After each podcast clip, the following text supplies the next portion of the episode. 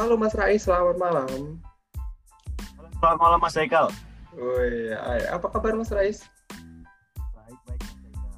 Ah, Oke, Hai teman-teman, jadi ini yang namanya Mas Fadar Rais Apreno, merupakan salah satu mahasiswa program studi ilmu pemerintahan Universitas Muhammadiyah Yogyakarta. Nah, malam kali ini kita akan membincang dan membahas mengenai penelitian kualitatif secara lebih mendalam dengan Mas Rais Apreno selanjutnya. Nah, hai Mas Rais, jadi seperti ini. Kan sekarang lagi ramai nih mengenai penelitian kualitatif. Nah, penelitian kualitatif sendiri kan pasti harus ada output. Nah, untuk penelitian kita agar lebih baik dengan mengenai tujuan masyarakatnya. Nah, Mas Rais sendiri tahu nggak sih apa itu penelitian kualitatif? Ya Mas Haikal ya. Jadi tadi berita rame-rame jadi teringat demo kemarin aja Mas Haikal. Oke, langsung saja Mas Haikal. Jadi uh, terkait pendekatan, jadi kita tahu bahwa memang kita sebelum mengulas tentang kebahasaan bahasa Indonesia, jadi ada namanya Kamus Besar Bahasa Indonesia. Nah, saya menemukan uh, istilah pendekatan di Kamus Besar Bahasa Indonesia di tahun 2016. Nah, di KBB ini pendekatan itu bermakna proses, cara, perbuatan uh, yang mendekati usaha dalam rangka aktivitas penelitian untuk mengadakan hubungan dengan orang yang diteliti. Nah, dapat kita lihat bahwa memang uh, untuk kita melakukan pendekatan sama seperti halnya Mas Haikal seperti itu. Ketika Mas Haikal melakukan pendekatan itu kan ada namanya sebuah proses dan ada cara dan ada perbuatan. Nah di KBB ini menjelaskan secara bagus juga karena memang untuk mendekat uh, melakukan pendekatan itu harus uh, melalui sebuah proses, melalui dengan cara-cara untuk kita melakukan pendekatan dan juga perbuatan kita untuk mendekatkan uh, kepada orang lain seperti itu. Nah, saya juga uh, melihat di Cambridge Dictionary tahun 2020 itu menunjukkan terkait pendekatan ya, menunjukkan makna itu terkait uh, ruang, waktu kualitas atau kualitas waktu dan juga uh, berbicara dan menulis. Nah, di sini dapat diartikan bahwa memang di Cambridge Dictionary tahun 2020 ini bahwa memang untuk melakukan pendekatan itu ada ruang-ruang ada juga kualitas waktu jadi waktu kita untuk melakukan pendekatan yang bagus tuh uh, waktu kapan yaitu dan ruang yang tepat itu uh, di mana dan juga berbicara uh, tentu komunikasi hmm. antar hmm. interaksi antar orang itu kan uh, berdampak kepada suatu pendekatan seperti itu dan juga menulis menulis itu juga salah satu cara untuk melakukan pendekatan Nah, dapat difahami bahwa pendekatan kualitatif sebagai kerangka konseptual yang dijadikan acuan dalam penelitian kualitatif tentang bagaimana cara penelitian atau cara peneliti melakukan interaksi kepada pihak lain sebagai mitra peneliti seperti narasumber atau responden yang menjadi objek penelitian. Seperti itu Mas Haikal. Oke, mengenai penelitian kualitatif, jadi saya sudah sedikit memahami ya, penelitian kualitatif seperti apa. Melalui pemahaman dan definisi tentang penelitian kualitatif tadi, pasti dong ada fungsinya. Nah, Mas Ais tahu nggak tuh tentang fungsinya penelitian kualitatif itu apa?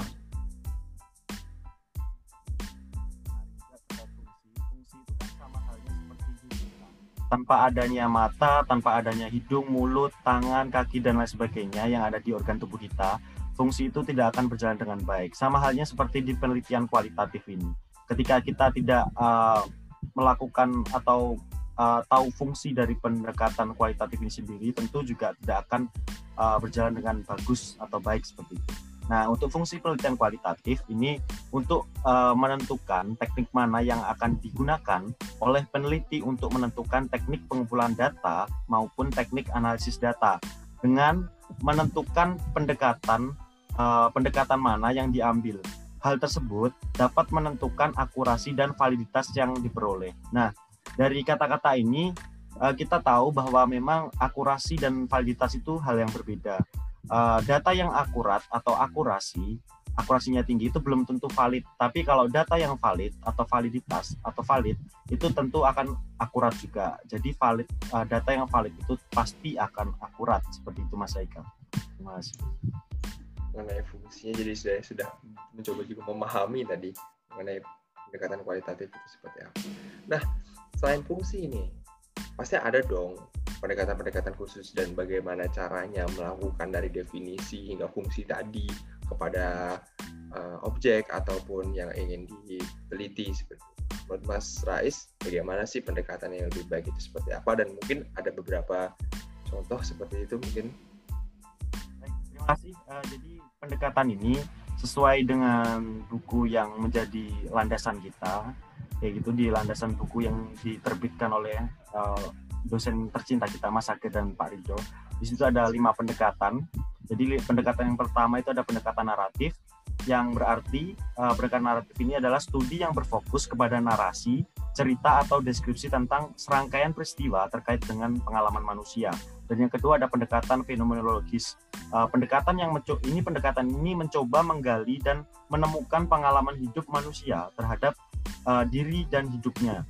Dan saya menemukan dari ada juga bahasa Yunani itu terkait fenomenologis ini ada fenomenon yang berarti uh, penamakan diri atau pengalaman diri dan juga logos itu yang berarti akal. Dan yang ketiga ada pendekatan ground theory, pendekatan yang uh, menekankan upaya peneliti dalam melakukan analisis abstrak terhadap suatu fenomena dengan harapan bahwa analisis ini dapat menciptakan teori tertentu yang dapat menjelaskan fenomena secara spesifik. Dan yang keempat ada pendekatan etnografis. Pendekatan ini pendekatan ini berusaha meneliti uh, suatu kelompok kebudayaan tertentu berdasarkan kepada pengamatan dan kehadiran peneliti di lapangan dalam waktu yang lama. Dan yang terakhir ada pendekatan studi kasus. Pendekatan ini menelaah sebuah kasus atau fenomena yang ada di masyarakat yang dilakukan secara mendalam untuk mempelajari latar belakang, keadaan, dan interaksi yang terjadi uh, secara kontemporer atau kekinian seperti itu Mas Eka. Hmm. Jadi lima ya totalnya tadi ya yang saya dengar tadi ada lima pendekatan.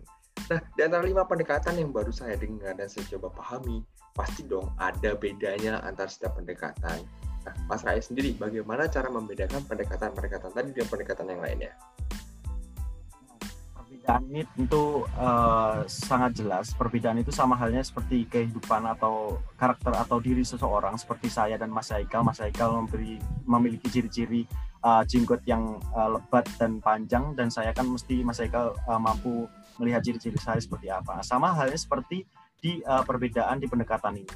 Nah, di kelima pendekatan ini banyak perbedaannya. Namun saya akan uh, memberikan beberapa ciri-ciri uh, yang tentu uh, menjadi perbedaan. Yang pertama ada fokusnya, jenis masalah yang cocok untuk uh, desain, latar belakang, unit analisis, uh, bentuk pengumpulan data, strategi analisis data, laporan tertulis dan lain sebagainya. Dan saya melihat ciri-ciri yang menonjol uh, uh, menurut saya ya ciri-ciri yang menonjol terhadap perbedaan kelima pendekatan ini itu saya melihat uh, pada strategi analisis datanya. Nah, di naratif, pendekatan naratif itu menganalisis data untuk cerita, menceritakan, uh, menceritakan kembali, dan mengembangkan tema secara kronologis. Dan di pendekatan fenomenologi, menganalisis data untuk statement penting, deskripsi, teks yang bermakna, dan deskripsi esensi. Di ground theory itu menganalisis data melalui opening coding, axial coding, dan selective coding. Dan di etnografi uh, itu menganalisis data melalui penjelasan kelompok budaya dan tema tentang grup. Dan yang terakhir studi kasus itu menganalisis data melalui deskripsi kasus maupun multi kasus seperti itu Mas Eka. mantap juga nih pembahasan tentang malam ini tentang penelitian kualitatif sungguhnya. Oke Mas Rais mungkin uh, cukup sampai situ aja. Uh, dan sebelumnya mungkin sebelum kita tutup nih, Mas Rais kayaknya ada sesuatu yang ingin disampaikan. Ada nggak kira-kira? Disampaikan saya selalu mengutip uh, tokoh yang berhubungan dengan pendidikan Ki Hajar Dewantoro. Dia mengatakan bahwa setiap uh, tempat yang kita datang itu adalah sekolah, setiap orang yang kita temui itu adalah guru. Sama halnya seperti sekarang. Tempat Zoom ini adalah tempat sekolah saya yang saya datangi dan uh, setiap orang yang kita temui itu adalah guru. Nah, sama seperti halnya Mas Haikal sekarang ini. Mas Haikal itu saya jadikan guru untuk saling belajar seperti itu Mas Haikal. Terima kasih dari saya ya. Terima kasih. Oke, ya terima kasih Mas Rais atas penjelasan dan obrolannya malam ini sungguh asik sekali mengenai penelitian kualitatif. Oke, Mas Rais, terima kasih. Uh, semoga sehat terus ya. Dan semoga kita masih bisa bertemu kembali di luar Zoom tentunya. Oke, Mas Rais, terima kasih untuk obrolan hari ini. Ya, Assalamualaikum warahmatullahi wabarakatuh.